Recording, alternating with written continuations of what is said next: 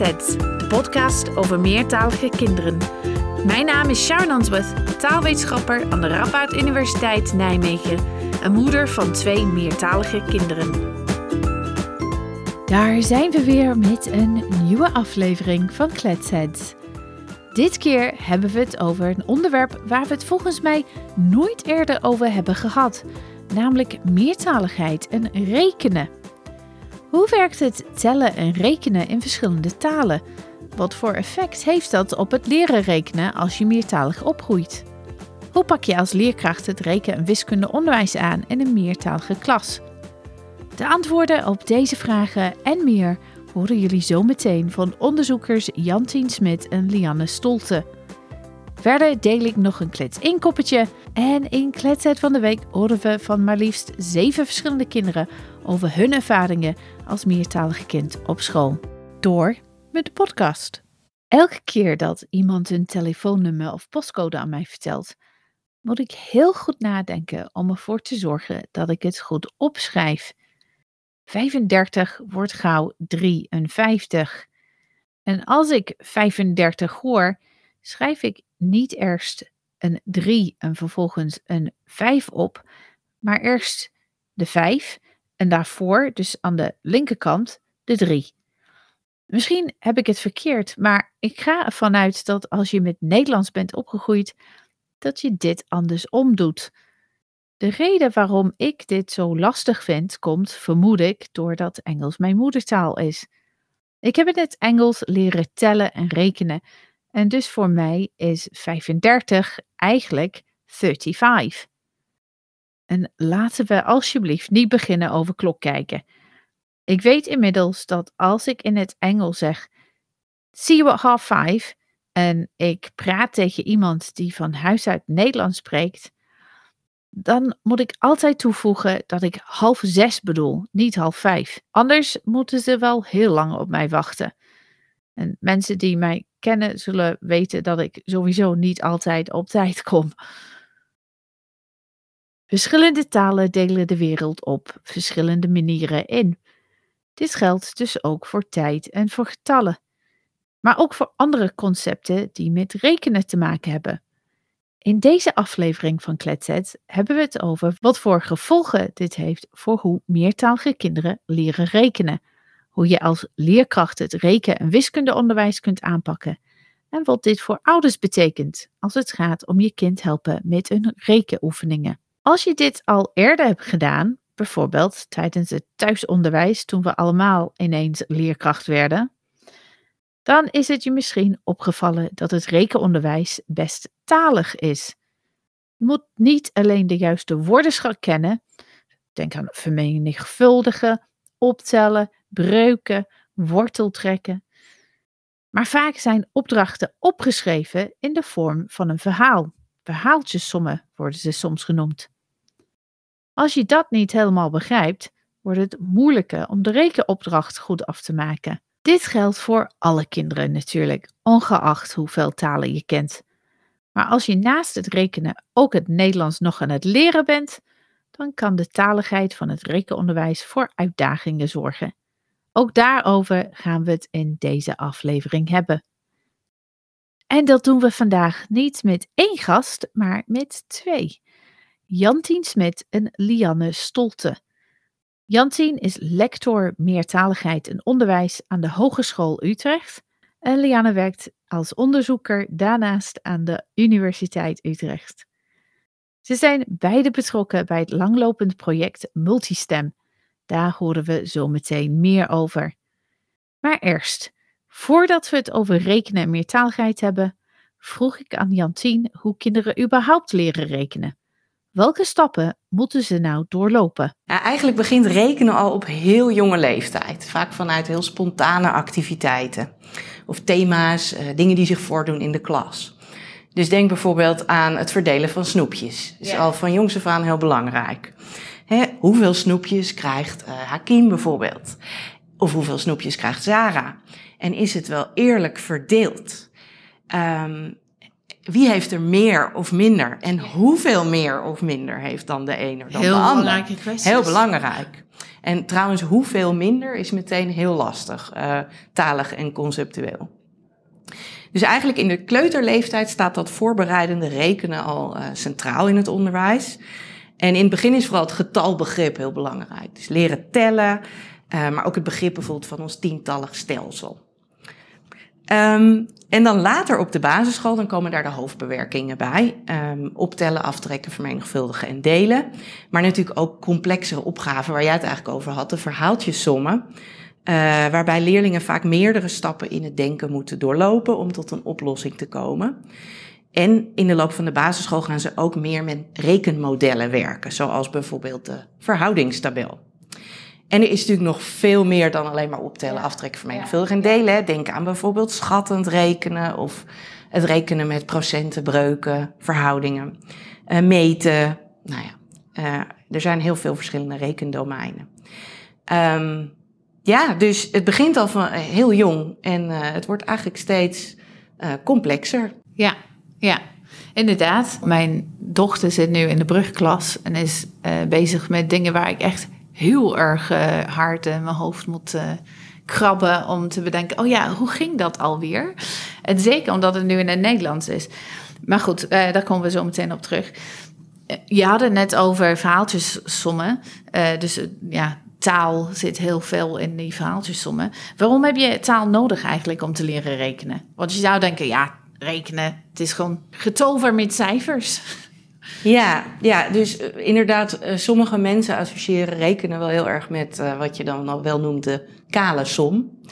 En ja, prima natuurlijk om ook kale sommen te oefenen dus op 2 plus 3 is 5. Ja, dat bedoelen precies, we dan. 2 plus 3 is 5. Maar zodra je eigenlijk met rekenen wiskunde iets gaat doen in het dagelijks leven, um, ja, dan komt er meteen taal bij kijken. Dus stel je gaat naar een bakker en je koopt een brood en drie aardbeientaartjes dan komt daar een afrekening bij kijken. En dan wil je misschien checken of je het goede wisselgeld terugkrijgt. En uh, de verkoper erop aanspreken als het niet klopt. Hè, dus ja, welke activiteit je er eigenlijk ook mee doet, er komt uh, taal kijken bij, uh, bij rekenen wiskunde.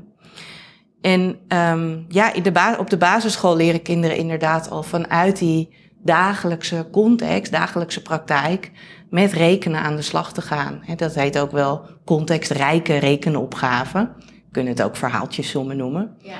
Uh, maar die contexten brengen taal met zich mee. Ja, kan je ons een voorbeeld geven van een verhaaltjessom? Ja, ja zeker. Nou, bijvoorbeeld uh, de uh, fietsenwinkel Piet, van Piet Achterband, die heeft fietsen in de uitverkoop. Um, en um, Sarah wil een mooie fiets gaan kopen. Er staat een fiets te koop met 20% korting. En de fiets kost 350 euro. Hoeveel euro korting krijgt zij?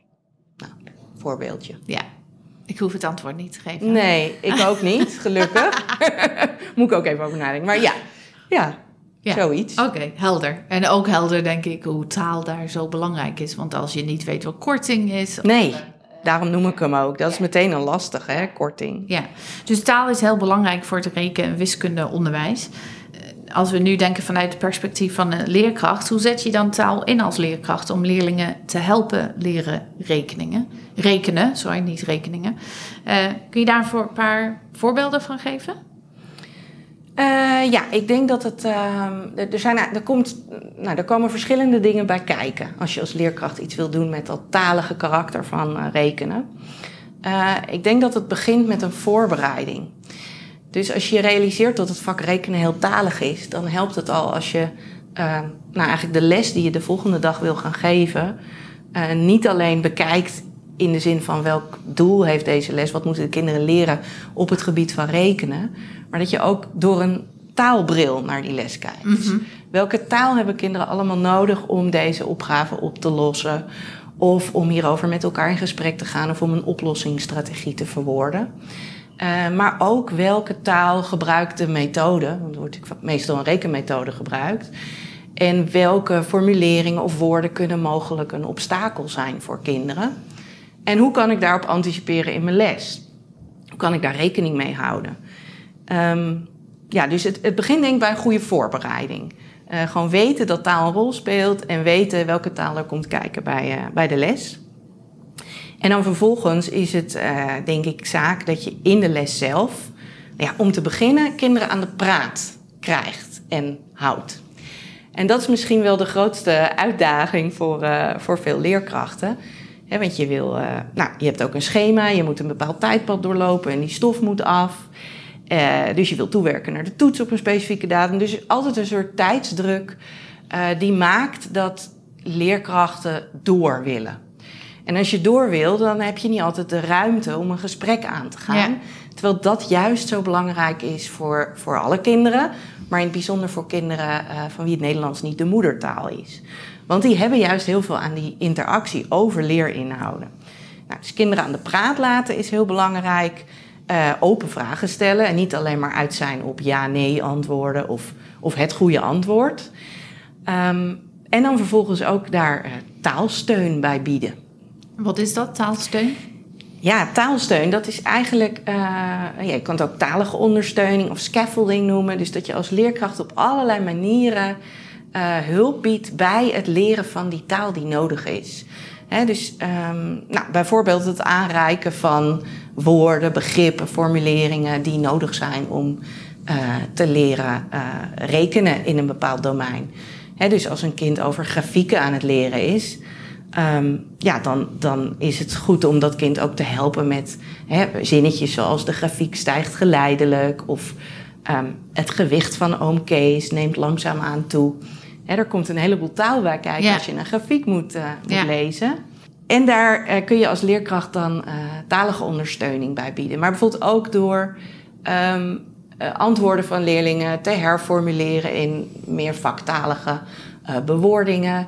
Of ook door expliciet eigenlijk aandacht te besteden aan de taal die ze gebruiken. Van wauw, dat heb je mooi gezegd. Dat was echt een rekentaal. Ja, ja, en voor diegenen die dat woord in het Engels niet herkennen, scaffolding, dat is gewoon in de, in de stijger zetten. In de toch? stijger zetten, ja. Eigenlijk met als doel om kinderen, in dit geval dan talig, talig gezien, uh, steeds zelfstandiger te maken. Dus dat ze uiteindelijk gewoon in die rekentaal uh, zelf antwoorden kunnen formuleren. Ja, uh, je noemde net uh, kinderen die Nederlands als tweede taal leren. Hè? Dus dat zij eigenlijk ook Nederlands aan het leren zijn tegelijkertijd met rekenen. Um, en er zijn ook natuurlijk eentalige kinderen die die taal ook lastig vinden. Ik kan me voorstellen dat mensen denken van ja, is het dan gewoon niet beter om juist van al die verhaalsommetjes en al die uh, rekenonderwijs met taal, kun je beter daarmee ophouden en gewoon zo weinig mogelijk taal gebruiken. Want dan maak je het wel makkelijker voor die kinderen. Zeker. Dat denken heel veel mensen en ik krijg daar ook heel vaak vragen over. En het is misschien wel leuk om een kleine anekdote te vertellen van toen ik zelf promotieonderzoek deed naar taalgericht rekenonderwijs um, in meertalige klassen. Uh, als dan ja, een willekeurig iemand die je kende, de buurman, zeg, uh, bijvoorbeeld vroeg van, um, ja, waar doe je dan eigenlijk onderzoek naar? En dan zei ik, nou, naar taal in de rekenles. Dacht, ik hou het gewoon behapbaar, taal in de rekenles. En dan kreeg ik meestal als reactie, hartstikke goed dat je daar onderzoek naar doet, want het rekenonderwijs is veel te talig geworden. Nou, en dan begon mijn ingewikkelde uitleg van, ja, nee, ja, ik snap dat je dat denkt. Het is ook talig, het rekenonderwijs. Maar je hebt die taal echt nodig om uh, rekenwiskundig vooruit te komen en om te kunnen deelnemen aan die, ja, wat ook wel mathematical discourse wordt genoemd. Dus eigenlijk het type denken en redeneren dat nou eenmaal eigen is aan dat vak. Daar komt taal bij kijken. praten over wiskunde eigenlijk. Ja, en daar zijn allerlei onderzoekers die daar mooie uitspraken over hebben gedaan. En eentje die me altijd is bijgebleven van Pauline Gibbons. Um, als kopje in haar boek Amplify, Don't Simplify. En dat, uh, ja, dat vat het voor mij heel mooi samen. Je moet altijd rijk taalaanbod proberen te realiseren. En veel praten over de inhoud en daar juist aandacht aan besteden. Ja, ja. Nou, helder. Want, en uh, fijn om te horen, nou of niet fijn om te horen, dat dit wel door veel mensen inderdaad wel gedacht wordt. Hè? Dus dat, uh, ja, maak het maar simpel en dan is het wel, uh, komt het wel goed. Dus juist, ja. juist niet. Nou ja, en, en dat is natuurlijk ook wel vaak heel legitiem. Hè? Dus wat ik ook wel vaak hoor is van ja, maar um, dan, dan worden leerlingen getoetst en dan staan er gewoon allerlei woorden in die toets, rekentoets, die ze niet kennen. En dan kunnen ze niet laten zien wat ze kunnen en weten. En dat is natuurlijk helemaal waar. dus het is ook wel wat genuanceerder dan dat. Ik denk dat we ook wel moeten kijken naar hoe geven we taal dan een plek in het onderwijs, maar ook in hoe we kinderen uh, toetsen. En ook eigenlijk dan uiteindelijk vaak afrekenen op wat ze wel of juist niet kunnen laten zien.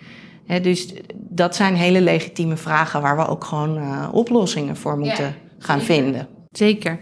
Kun je voor uh, dergelijke leerlingen, dus uh, kinderen die Nederlands als tweede taal leren, van de rekenles ook een taalles maken dan? Ja, dat denk ik zeker. Ik denk eigenlijk dat elke les ook een taalles uh, zou moeten zijn.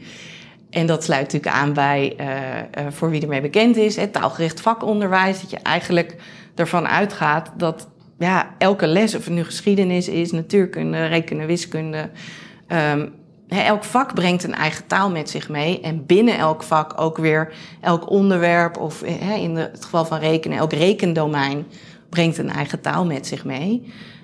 Um, denk maar, de, taal van grafieken is heel anders dan die van verhoudingen. En als je gaat meten, heb je weer andere woorden nodig. Uh, dus het is zeker heel belangrijk om daarbij stil te staan. En het gaat ook niet alleen om de vaktaal die kinderen moeten leren maar ook om de, de schooltaal die nodig is om mee te doen in het onderwijs in algemenere zin. dus woorden als uh, proces of uh, groei, dat zijn woorden die in rekenen wiskunde veel voorkomen, maar ook in andere vakken. En die uh, niet voor alle kinderen direct te begrijpen zijn of ja. toegankelijk. We horen zo meteen van Lianne, die ons vertelt hoe precies je de thuistaal van meertalige leerlingen kunt inzetten in de rekenles en ook over verschillen tussen talen als het gaat om tellen en rekenen. Maar eerst deel ik weer een klets inkoppertje, een concrete tip die je makkelijk en meteen in kunt zetten om meer te halen uit de meertaligheid in jouw gezin, klas of praktijk. Klets inkoppertje. Als ouders van meertalige kinderen denken we vaak na over hoe we het gaan aanpakken als de kinderen jong zijn. Maar daarna gaan we vaak vrolijk verder, zonder al te veel na te denken over wat we aan het doen zijn, of we op de juiste koers zitten. Een belangrijk deel van het meertalig opvoeden is om af en toe stil te staan bij wat je doet, bij talenbeleid in je gezin en om dit te evalueren. Als je even de tijd neemt om dit te doen, kun je de nodige aanpassingen maken voordat het mogelijk te laat wordt. Vragen die je je kunt stellen zijn: is iedereen blij? Gaat het goed? Gaat het de goede kant op? Gaat het de kant op die we zouden willen? Het is belangrijk om niet bang te zijn om dingen te veranderen, om een andere route te kiezen als dat nodig is. En als het goed gaat, denk even na over hoe dat komt en hoe je ervoor kunt zorgen dat het goed blijft gaan. Als leerkracht van meertalige leerlingen kun je natuurlijk ook stilstaan en evalueren. Vraag jezelf met of zonder collega's hoe het gaat met de meertalige kinderen bij jou op school of in je klas. Zijn er dingen die beter of anders kunnen? Hiervoor zijn de materialen van de taalvriendelijke school heel nuttig of van het Peach-project. Ook daarvan staan de links in de show notes. Dus het kletskoppetje voor vandaag is sta stil en evalueer hoe het gaat met de meertalige ontwikkeling van jouw kinderen. Klets inkoppertje.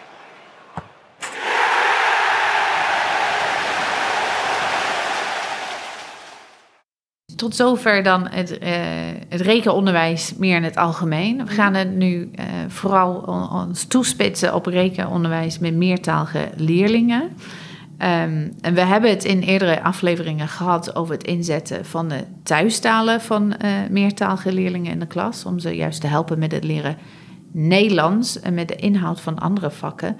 Kun je dit ook doen bij de rekenles, Lianne? Zo ja, hoe doe je dat? Ja, heel graag zelfs. Um, en ik denk dat het begint vanuit hetzelfde idee. Uh, dat je wil kunnen aansluiten bij wat de leerling al weet. Voordat je kunt bepalen van waar willen we nu naartoe. Ja. Um, dus dat is ook een soort scaffolding. Je wil eerst bepalen wat heeft deze leerling al mee te brengen. Ja. Uh, zodat je daarna kunt bepalen wat moet ik geven aan deze leerling. Zodat hij zo goed mogelijk kan groeien. En een heel leuk voorbeeld daarvan is denk ik eh, wat ik zelf heb gezien in mijn onderzoek met een leerkracht. Wij uh, hebben dus ontdekt dat inderdaad het klokkijken ontzettend ingewikkeld is in het Nederlands. Um, dus wat, uh, wat wij zeiden, dus ik en een leerkracht samen, op een nieuwkomersschool. Um, dat is trouwens een school voor leerlingen die in het eerste jaar in Nederland wonen. Dus die leerling die is uit een ander land naar Nederland gekomen.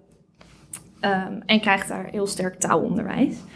Uh, voordat ze naar het regulier onderwijs gaan. En uh, wat wij hebben gedaan is uh, individuele gesprekken gevoerd met leerlingen van waarom is dat klokkijken in het Nederlands moeilijk voor jou en wat kun je daar zelf over zeggen?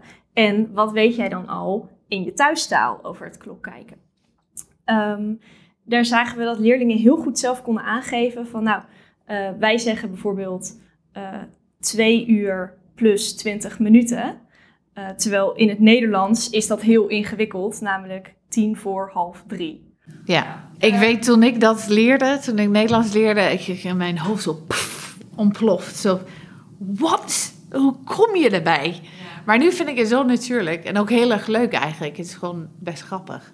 Maar ga verder. Ja, dus um, wij vroegen van, oké, wat zeg jij nou precies in je thuistaal? En wat zeggen wij in het Nederlands? En hoe kunnen we dat nou vergelijken? Um, dus je gaat dan eigenlijk ook uitleggen van waarom zeggen wij tien voor half drie? Uh, omdat wij ook kijken naar die half. Die gebruiken wij eigenlijk als een soort benchmark, zeg maar. Net als dat we het hele uur gebruiken, gebruiken we ook het halve uur.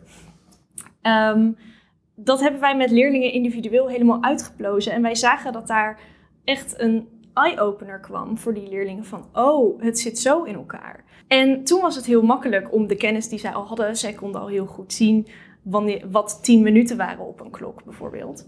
Um, toen was het heel makkelijk voor hen om die overstap te maken naar het Nederlands. Um, dus je werkt dan echt met wat zij al meebrengen eigenlijk. Ja. In plaats van wat er natuurlijk heel vaak gebeurt, dat een leerkracht zegt: Oh, um, jij kan gewoon nog niet klok kijken. Dus wij gaan jou helemaal opnieuw uitleggen hoe je moet klok kijken omdat er wordt vergeten dat er ook kennis uit de thuistaal meekomt. Ja, ja, inderdaad. En, en, en, talen werken op allerlei verschillende manieren. Als het gaat om klokkijken, maar ook reken, rekenen of reken, rekenkundige concepten. Om het uh, met de juiste woorden te beschrijven. Um, daarvoor hoeven leerkrachten die andere talen niet te kunnen. Hè? Nee, uh, dat hoeft niet. Nee, want wij hebben deze gesprekken bijvoorbeeld gevoerd met leerlingen die Arabisch en Turks spraken. En wij spreken dat zelf niet. Maar in die gesprekken hebben wij wel heel veel geleerd. Uh, over hoe we getallen zeggen in het Arabisch en in het Turks, bijvoorbeeld. Um, en ik denk dat het wel belangrijk is dat je daarin interesse toont als leerkracht. Dus um, je hoeft zeker niet een hele taal te gaan leren. Maar ik denk dat het wel belangrijk is om met die leerling te gaan zitten en te laten zien: ik vind het belangrijk wat jij al kan. En ik wil ook iets van jou leren. Ja, ja. Mooi. En ik denk als je dat eenmaal weet, dan kun je daar ook rekening mee uh, houden. Het volgende keer dat je een Turkstalige kind in je. Ja, zeker. Ja, want die leerkracht uh, met wie ik het heb gedaan, die zei dus ook uh, een paar weken later van, nou ging ik weer met een andere leerling zitten. En ik zag dat dat weer misging met die klok. En toen zei ik tegen haar van, hè, maar jij zegt toch altijd oeh, noes? En dat is toch plus een half? Uh, maar dat betekent hetzelfde als wanneer we het in het Nederlands. Nou, en toen had die leerling ook weer dat ze zei: Oh, zit het zo? Dus die leerkracht was ook in staat om te onthouden wat er van leerlingen meekwam. Ja. ja. mooi. Dus dat is klokkijken. Maar als we het hebben over, over rekenen. Um, de meeste meertalige kinderen, of niet de meeste meertalige kinderen, maar kinderen die naar Nederland komen nou ja, ik denk sowieso misschien in allerlei uh, omstandigheden, kinderen die meertalig opgroeien, die zullen geen formeel onderwijs hebben gehad in een thuistaal. Ook als je hier uh, met Pool, hier bent geboren met Pools of Italiaans of welke taal dan ook. Meestal heb je geen onderwijs gevolgd um, in die taal. Dus dan beschik je waarschijnlijk niet over de juiste woordenschat. Hè? Dus vermenigvuldigen, optellen, dat, dat ken je dan misschien niet in, in de andere taal. Um, dat merk ik ook zelf. Als ik, uh, toen wij bezig waren met thuistaalonderwijs, toen heb ik ook allerlei nieuwe woorden geleerd in het Nederlands. Als je die woorden niet kent in je thuistaal, kun je dan de thuistaal wel inzetten in dergelijke gevallen bij het rekenonderwijs? Ja, ik denk het wel, want je hebt altijd, ook in het Nederlands heb je dat onderscheid tussen je dagelijkse taal van thuis bijvoorbeeld en de schooltaal. Ehm, en als een leerling dagelijkse taal in een andere taal meeneemt, dan zou dat dus eigenlijk even waardevol zijn als de dagelijkse taal in het Nederlands. Als de leerkracht daarop in kan spelen, dan kan je vanuit daar ook weer naar schooltaal in het Nederlands. Ja, ja dus je kunt vanuit uh, ja, dagelijkse taal in het Pools of Italiaans of wel, wat dan ook richting schooltaal en het Nederlands. Ja, ja, want dat is ook kennis. Ja. ja, waarbij ik wel denk dat we inderdaad ook moeten kijken wat wanneer werkt voor wie. Um, wanneer welke meertalige strategie werkt voor welke leerling en waarom. Uh, dat is eigenlijk de hoofdvraag die we proberen te beantwoorden in het Multistem project. En in een eerder project ben ik wel eens tegengekomen dat leerkrachten hadden eigenlijk daar ook de vraag gekregen van, goh, probeer nu eens uh, die thuistalen een plek te geven in groepswerk. En dat was dan in de natuur- en techniekles. Um, waarbij eigenlijk één leerkracht dat uh, ontdekte dat dat heel goed werkte voor een groepje uh, Turkstalige leerlingen. Uh, maar een andere leerkracht die ontdekte dat hè, de kinderen in die gedeelde thuistaal eigenlijk zoveel minder over die benodigde taal beschikten dan in het Nederlands. Dat ze eigenlijk zeiden, ja, mogen we het gewoon in het Nederlands doen? Want dat vinden we eigenlijk makkelijker en fijner.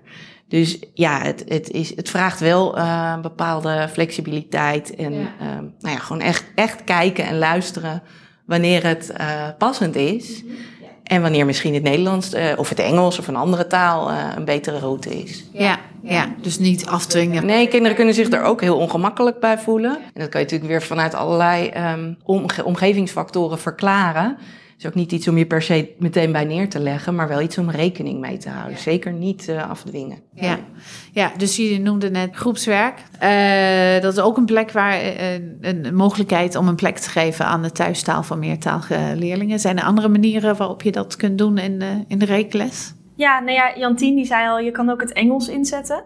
Um, dat is natuurlijk een hele makkelijke manier voor heel veel leerkrachten, omdat dat waarschijnlijk de enige taal is die zij zelf ook spreken naast het Nederlands. Dat komt het vaakst voor. En dat doe je als uh, leerlingen weinig Nederlands of niet genoeg Nederlands kunnen en je wil iets uitleggen? Ja, en als die leerling dus wel Engels kan, hè? anders ja, ja. heeft het ook niet zoveel nut. uh, maar inderdaad, dus als je merkt van, oh, een leerling begrijpt mij nu even niet tijdens mijn Nederlands uitleg, uh, dan probeer ik het even in het Engels. Dat kan heel makkelijk zijn ja. voor een leerkracht. Dus het is een optie, het hoeft niet per se. Um, er is ook een uh, app, een vertaal-app, uh, die je kan gebruiken. Dat heet Say Hi. Daarop kan je gewoon in het Nederlands inspreken en dan rolt het eruit in de taal die je nodig hebt. Um, als je daar een beetje handig mee bent, je bent flexibel als leerkracht om dat zo in te zetten, dan kan dat ook heel veel mogelijkheden geven. Um, en ja, je kan natuurlijk kinderen een taalmaatje geven. Dus kinderen kunnen ook voor elkaar wat vertalen. Dus niet per se groepswerk, uh, maar wat korter één op één. Um, en er zijn natuurlijk heel veel uh, manieren om als leerkracht te vragen naar hoe zeg jij dat dan in je thuistaal? En als, en als het antwoord komt in een taal die je zelf niet kent, wat doe je ermee? Uh, dan kan je daarna vragen, wat betekent dat dan? Wat zeg je dan eigenlijk? Dus uh, met breuken bijvoorbeeld. Yeah. Um, wij zeggen bijvoorbeeld drie vierde. Yeah. En dan kan je zeggen, dan kan je vragen aan de leerling, hoe zeg je dat dan thuis? En dan zegt de leerling iets, ik versta dat niet. En dan kan ik zeggen, maar wat betekent dat? Welke woorden gebruik jij? Wat betekent dat? En in het Turks bijvoorbeeld uh, zeggen ze in plaats van drie vierde, vier daaruit drie. Of vier daarin drie, een van de twee. Maar in ieder geval andersom dan in het Nederlands of het Engels. Ja, precies. Ja. Um, dus dat geeft jou ook inzicht in die taal, uh, ook al spreek je hem zelf niet. Ja, en het kan het kind helpen hè, als het kind dan weet, oké, okay, dus wat zij drie vierde noemen, dat is eigenlijk wat voor mij 4R3 is. Ja, dat is ook uh, belangrijke informatie om, om überhaupt opgaven te kunnen gaan oplossen. Ja, en het zorgt er ook voor dat je het concept veel beter kan uitdiepen. Want je ja. kan veel meer gaan nadenken van, oh, wij zeggen het dus op twee verschillende manieren. Uh, hey, dat kan verwarrend zijn, maar ook wat betekent dat dan? Hoe kan dat dan? Dat we het op twee verschillende manieren zeggen, maar we hebben het over hetzelfde. Ja. Dus dan ga je veel meer die diepte in. Ja, leuk. Want talen verschillen heel erg van elkaar, uh, of heel erg Ze kunnen wel best wel van elkaar eh, verschillen als het gaat om hoe je, nou, cijfers uitspreken, maar eh, bepaalde relaties beschrijven, zoals bij breuken, zoals je net noemde, het verschil tussen het Turks en het eh, Nederlands. Klok kijken hebben we het ook over gehad. Een voorbeeld dat ik heel leuk, leuk vind is ja, het tellen met eh, cijfers na tien. Hè? Dus dat in Nederlands en het Engels cijfers boven de 10 zijn onregelmatig. Dus je hebt 10, 11, 12, 13, eh, 11, 12, 13. En in andere talen zijn ze veel duidelijker. Dus in het Turks en het Chinees 11 is 10, 1, 12 is 10, 2, eh 13, 10, 10, 3. Ja, en de Fransen beginnen dan bij 17 opeens. Ja, Heel random met die set. ja, in hoeverre hebben dit soort verschillen invloed op hoe meertalige kinderen leren rekenen? Want je kijkt naar de cijfers op een andere manier. Dus bijvoorbeeld helpt het als het eigenlijk best simpel is met 10, 1, 10, 2, 10, 3. Dat is eigenlijk wat, wat makkelijker dan het ingewikkelde manier van Nederlands het Engels. Of, ja, wat, wat weten we daarover uit onderzoek? Ja, nou het grappige is dat ik... ehm, ik heb een keer eh, bij een eh, college gezeten van David Pim. eh een universiteit in Canada. En hij vertelde dat hij, eh, of een leerkracht eh, binnen zijn onderzoek, die was met kleuters gaan zitten. Eh, en zij hadden het getalsysteem zo simpel mogelijk gemaakt. Dus zij zeiden van, oké, we gebruiken niet eh 11, maar we zeggen inderdaad 1T1. Dus eigenlijk, ja, snap je? Dus en dat 10. was dan makkelijk. Ja, omdat alle tientallen hebben, eindigen op T. Oh, like 21, maar dan 1T1. Ja, en Oh, ja. 20 wordt dus 2T. En 30 wordt dus 3T. Zo hebben ze het dus helemaal simpel gemaakt. Dus dan heb je 333 is dan eh 303T3. Ja? En je loopt alles gewoon van links naar rechts door. Wat zij dus zagen was dat zij nou, binnen een week eh, al die kleuters tot duizend konden laten tellen. Wauw. En dat is iets wat wij in het Nederlands, nou, dat lukt niet. Ehm, dus wat je ziet is wel, als je het inderdaad zo simpel mogelijk maakt, dat kleuters daartoe in staat zijn. Dat is natuurlijk super grappig. Ehm, en het feit dat dat dus niet in het Nederlands lukt, of in het Engels inderdaad, eh, ja, dat laat wel zien dat dat wel, dat het daardoor dus lastiger is. Maar ik denk ook aan kinderen eh, die bijvoorbeeld Chinees en Engels leren tegelijkertijd. Eh, gaat het Chinees hun helpen in het Engels? Dat hangt er denk ik ook vanaf hoe je er als leerkracht mee omgaat. Ehm, als je het volledig beschouwt als twee aparte dingen, dan wordt het voor de leerling misschien moeilijk om die brug te bouwen tussen de twee talen. Maar als jij, in het als jij bijvoorbeeld als leerkracht zegt: hey, in jouw thuistaal zeg je dit. En in het Nederlands is dat zo. En we zeggen dat dus op twee verschillende manieren, maar wat is de overeenkomst ook daartussen? Dan help je denk ik een leerling om eh, te begrijpen hoe dat getalsysteem ook echt in elkaar zit. Ja, dus meer het conceptuele niveau, denk ik. Dat Ja. sowieso eh, dat het goed is om, dat, om die talen ook te benutten om, eh, om die verbinding te zoeken. Dat, je het, dat die kinderen eh, die mogelijk bepaalde conceptuele kennis wel al hebben ontwikkeld in het Chinees, dat ze daar ook bij kunnen komen. Dan help je het eigenlijk eh, het regenonderwijs op een hoger niveau. eh. Ja, en vooral ook denk ik omdat je uiteindelijk het potentieel van kinderen, dus dat wat ze kunnen en kennen, eigenlijk waar Lianne het al over had, waar vertrek je vandaan, dat je dat beter in beeld brengt. In plaats van dat je ja, een toets op papier in het Nederlands of in het Engels dan afneemt. En eigenlijk helemaal niet weet wat voor waarde dan het resultaat van die leerling heeft. Of dat strookt met wat hij wat hij kan en weet. Ja, ja. We komen zo meteen terug op eh, toetsing. Nog één laatste vraag voor jou, eh, Lianne. Je had het net over dat voorbeeld met de breuken. Hè? Met het, in het Turk zeg je vier en daarvan drie. En ik, eh, in tegenoverstelling tot het Nederlands en het Engels. Ik weet dat er daar onderzoek over is gedaan. Hè? Dus over eh, het inzetten van, van die verschillen, het benoemen, bespreken van die verschillen, zoals, eh, zoals jij het hebt, eh, aan ons hebt verteld. Wat zegt dat onderzoek eigenlijk? Werkt het? Ja, dat dat dus je rekenles echt verrijkt. En dat het voor kinderen veel makkelijker wordt om te begrijpen wat dan een breuk is en hoe je daarover kunt praten. Ja, dus de woorden wel beter als je dat doet dan. Ja, dus het is eh, op basis van dat onderzoek is het echt een aanrader om, om die meertalige kennis erbij te pakken en om het daar samen over te hebben met de leerlingen. Ja, oké, helder. Toetsing, Jantien.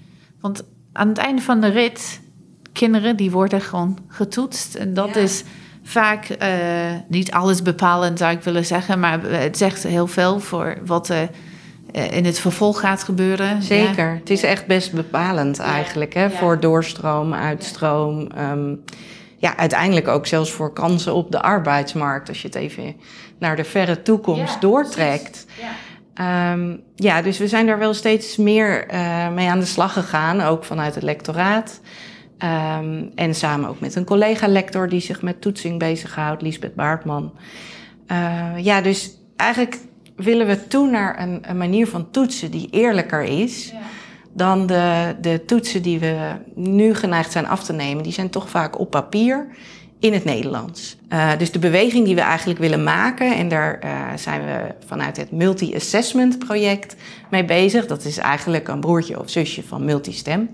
Is om te kijken hoe we eh, meer formatief kunnen gaan toetsen. Dus ook echt meer in gesprek met kinderen kunnen eh, ontdekken wat ze kunnen en kennen en wat een goede volgende stap zou zijn. En ook om te kijken hoe we die thuistalen en de kennis die daarin aanwezig is, mee kunnen nemen in toetsing.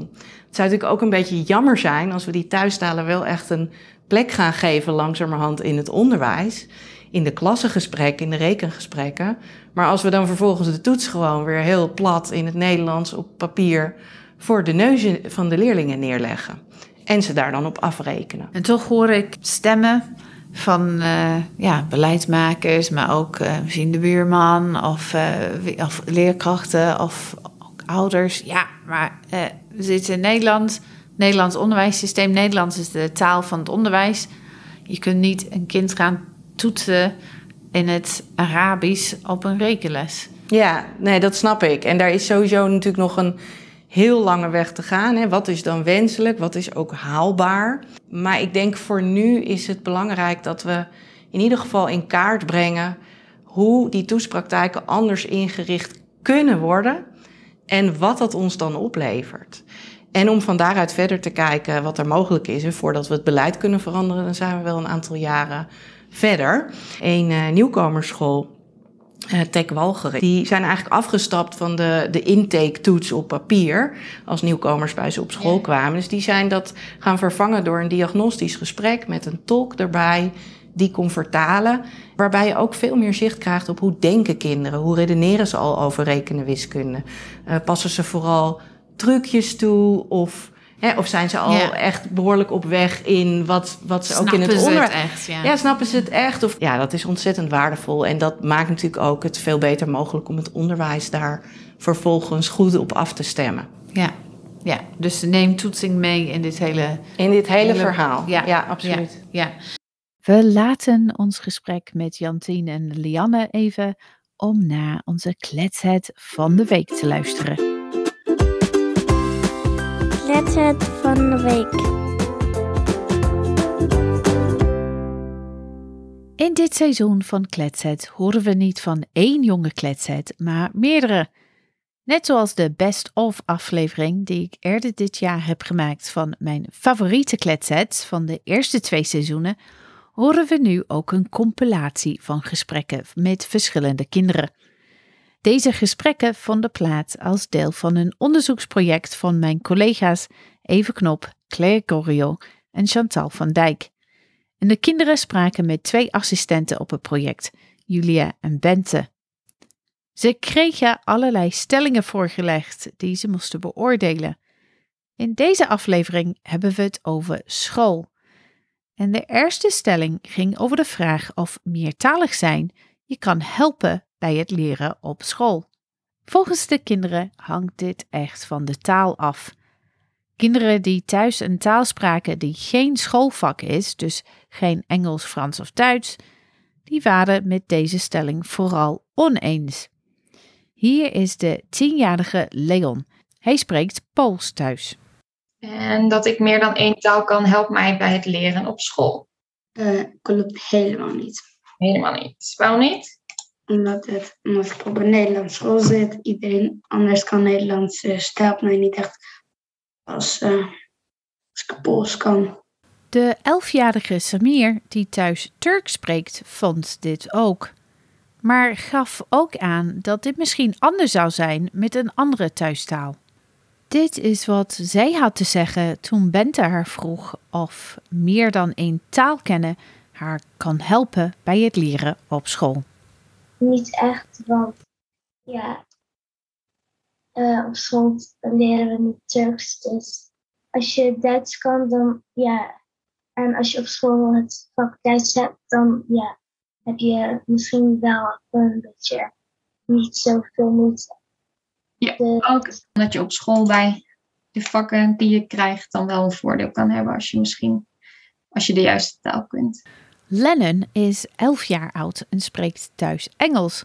Hij herkent het voordeel dat hij hiermee heeft op school, maar merkt ook dat een andere taal het leven niet altijd makkelijker maakt. Bij woordenschat dan is het wel een beetje moeilijker. Want dan, dan is er ja, een woord die ik niet snap en dan iedereen die hem wel snapt. En ja, ja. Dus het helpt je bij Engels, maar bij Nederlands helpt het je soms juist weer niet. ja. Het verschil tussen talen zien we ook in de houdingen van sommige leerkrachten. De 11-jarige Marlene, die naast het Nederlands ook het Duits spreekt, vertelt over de momenten waarop ze Duits op school praat. Alleen als ik boos ben. Want dan ga ik, word ik echt best wel boos. Maar dan moet ik wel echt heel boos zijn. En dan wil ik het niet in het Nederlands. Dus dan ga ik gewoon of eh, automatisch best wel lang Duits praten, zodat niemand me verstaat. Ehm, of in mijn hoofd ehm, Duits praten tegen mezelf. En dan niks zeggen. Ah. En waarom doe je dat dan liever niet in het Nederlands als je boos bent? Omdat als ik het in Nederlands zeg, dan kan iedereen het begrijpen. En misschien doe ik daar iemand dan mee pijn. En zoals ik al zei, ik ga dan soms Duits praten in mijn hoofd. Maar soms doe ik het dan per ongeluk hardop. Ja, Dus dan hoort iedereen het eh, eh, als ik toch Nederlands ga praten. Dus daarom ga ik altijd gewoon, als ik boos ben, Duits praten. Of hardop, als ik alleen ben. Of in mijn hoofd, als anderen erbij zijn. Aha. dus dan kun je wel een beetje stoom afblazen zonder dat je misschien iemand anders kwetst. Handig. Ja. En hier is wat Marlene te vertellen had toen Bente haar vroeg of ze van de juf wel of niet Duits mocht spreken met andere kinderen. Dat weet ik niet, want ik ben enige die Du- Duits is. Dus ik weet niet of dat mag van haar of niet. Nee. Maar volgens mij mag ik wel gewoon, als ik boos ben, Duits gaan praten hardop als ik alleen ben. Want ja, het is mentaal, dus dan kan je niet mentaal verbieden. Helemaal mee eens. Maar op sommige scholen in Nederland wordt het gebruik van andere talen wel verboden. Hier is Samir weer. dat is ook een soort van een regel.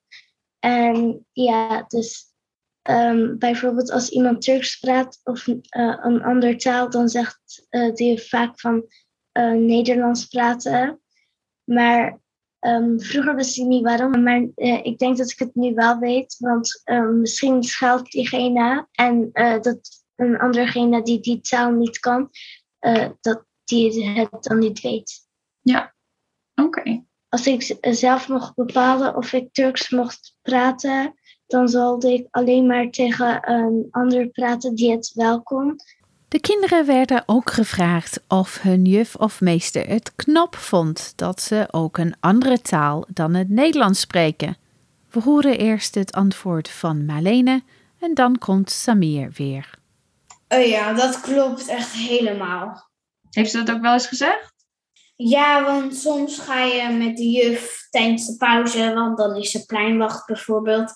Dan ga je bijvoorbeeld lekker met haar kletsen en dan vertel je over je taal Duits. En dan gaat ze zeggen bijvoorbeeld cool en dat soort dingen, want ze kan het zelf niet. Dus dan zegt ze best wel vaak tegen mij dat ze het best wel knap vindt. Ehm, ja, heel veel andere kinderen kunnen ook gewoon andere talen, dus ja. Maar eh, eh, soms dan vindt het wel knap gewoon als iemand goed Engels kan. De kinderen werden ook gevraagd of ze het gevoel hadden dat een juf of meester het beter vond dat ze thuis Nederlands zou spreken in plaats van hun andere taal. Dit is wat Leon hierover had te vertellen. Klopt helemaal. Klopt helemaal. Ja. En waarom is dat? Omdat ze vindt dat mijn Nederlands beter wordt. Ah, dus ze vindt dat jouw Nederlands beter wordt als je meer Nederlands praat thuis. Ja. En zijn jullie dat ook gaan doen daardoor? Meer Nederlands praten? Nee. Nee, Alleen soms. soms. soms. Volgens mij ken je ook perfect Nederlands, dus waarom, waarom zou je dat doen? Maar de juf van Samir integendeel vond het prima volgens haar als er thuis Turks gesproken wordt in plaats van Nederlands. Nou ja, die, juf die bemoeit daar zich echt nooit aan, want dat is, eh, de ouders mogen dat bepalen. Eh, of diegene Turks of Nederlands praat. Dus ja. De laatste stelling voor vandaag was het volgende. Als je thuis een andere taal dan Nederlands gebruikt, dan is dat slecht voor je Nederlands. Onze jonge kletsers waren met elkaar eens. Dit klopt niet. En dit is waarom. Als je bijvoorbeeld iets anders spreekt, dan kan je nog steeds heel goed Nederlands. Of Engels of Pools. Of een andere taal. Net zoals bij jou eigenlijk. Want jij spreekt thuis ook meestal Pools. En dat wil niet per se zeggen dat dat slecht is voor je Nederlands. Ja. Dat is niet waar, want in principe je bent zes uur op school en de rest ben je thuis. Dus praat je en op school leer je ook Nederlands door spelling en taal. Dus eigenlijk helemaal niet mee eens. Helemaal niet mee eens. Helemaal niet mee eens. En waarom niet? Omdat ik, omdat ik wel i- iedere dag heel veel Engels spreek. Dat spreek je in eh, Engels be- betekent niet eh, dat je meteen slecht Nederlands spreekt. Bijvoorbeeld, eh, ik praat de hele dag Engels met mijn vader. Uh, dus ik nu met je Nederlands spreken, zeg je, is meteen eh, je Nederlands zegt. Dat, dat kan niet. Nee, echt helemaal niet mee. Helemaal niet mee eens. Die was duidelijk. Hey, en waarom, eh, waarom ben je het er niet mee eens? Want dan leer je juist die andere taal ook beter. Ja. En wat, wat doet dat dan met je Nederlands? Wordt het daar slechter van? Nee, Waarom denk je dat dat niet gebeurt? ehm, dat weet ik niet. Owen weet misschien niet waarom, maar het klopt wel wat hij zegt. Als je thuis een andere taal dan Nederlands gebruikt, dan is dat niet slecht voor je Nederlands. Wil je meer weten over hoe de twee talen van een meertalig kind elkaar kunnen beïnvloeden? Dan luister naar aflevering 8 van seizoen 2 van Kletsets. Daar gaan we hier dieper op in. Kletset van de week. We hebben het tot nu toe, eh, denk ik, vooral gehad over basisschoolleerlingen. Hebben we niet expliciet eh, gezegd, maar wel de voorbeelden gingen over het basisonderwijs. Gelden de principes die we vandaag hebben besproken ook voor leerlingen op de middelbare school? Ja, ik kan ook geen reden bedenken waarom dat niet zo zou zijn. Want het gaat gewoon over leren en gebruik maken van je kennis. Dus dat werkt volgens mij hetzelfde voor jonge leerlingen Ja. als voor eh, de wat oudere. Ik denk zeker dat er ook veel mogelijkheden zijn.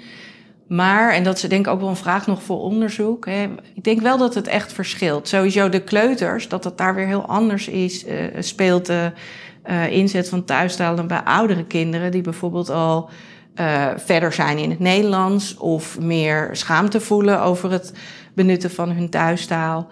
Hè, dat er op een gegeven moment een moment komt dat kinderen dat, dat daar, nou ja, meer moeite mee hebben of niet zomaar als vanzelf dat willen. En dat is ook eigenlijk weer die vraag van hoe ga je daar dan eh, mee om? Hè? Dus het is ook niet puur van zou het functioneel zijn voor het leerproces, maar ook ja, hoe kunnen we dat dan doen op een manier die voor kinderen ook werkt en helpend is. Ook denkend aan hè, het gevoel van inclusie, hoor ik erbij of niet. Ja, zeker in die tienerleeftijd wordt dat allemaal nog veel belangrijker. Ja, dus het, het blijft natuurlijk ook echt mensenwerk. Ja, oké. Nou, we zijn eh, bijna aan het einde, maar ik heb nog, toch nog één laatste vraag voor jullie. En dat is over wat er thuis gebeurt. Hè? Dus we hebben het vooral gehad over wat er op school gebeurt, maar ouders worden ook vaak gevraagd om rekenoefeningen te doen met hun kinderen thuis. Ehm, en als je als ouder normaal gesproken een andere taal dan het Nederlands spreekt met je kind, ja, dan komt de vraag erbij van in welke taal moet ik die oefeningen nou doen? Moet ik nu switchen naar het Nederlands of kan ik doorgaan in het uh, Oekraïens of het Arabisch of het Engels? Ja, uh, dat is eigenlijk het onderzoeksgebied van een collega van mij, Erin Gill McDonald. Die werkt in hetzelfde project. Um, en zij zegt altijd dat ouders vooral moeten doen waar ze zich comfortabel bij voelen. Um, want we weten eigenlijk nog niet echt of het nou beter zou zijn om in het Nederlands of beter zou zijn om in de thuistaal te werken. Uh, maar wat we wel weten is dat het belangrijk is dat ouders uh, met hun kinderen gesprekken kunnen voeren over rekenen bijvoorbeeld. Uh, maar stel nou een kind komt met hele ingewikkelde Nederlandse rekenopdrachten. Mm -hmm. um, en jij voelt je als ouder helemaal niet uh, in staat om dat te gaan zitten doen. Dan kan je wel denken van, nou ja, ik kan wel um, aan mijn kind vragen van... hey, de boodschappen deze week zijn goedkoper dan vorige week. Waar zou dat aan kunnen liggen? Hoeveel redenen kunnen wij bedenken samen? Of, um, nou, we gaan een taart bakken. We gaan twee taarten bakken voor je verjaardag. Maar dit recept is voor één taart. Dus hoe gaan we dat nu oplossen? Um, dat in, in je thuistaal. Precies. Nou, ja. Dat, ja, en dat mag dus in je thuistaal. Ja.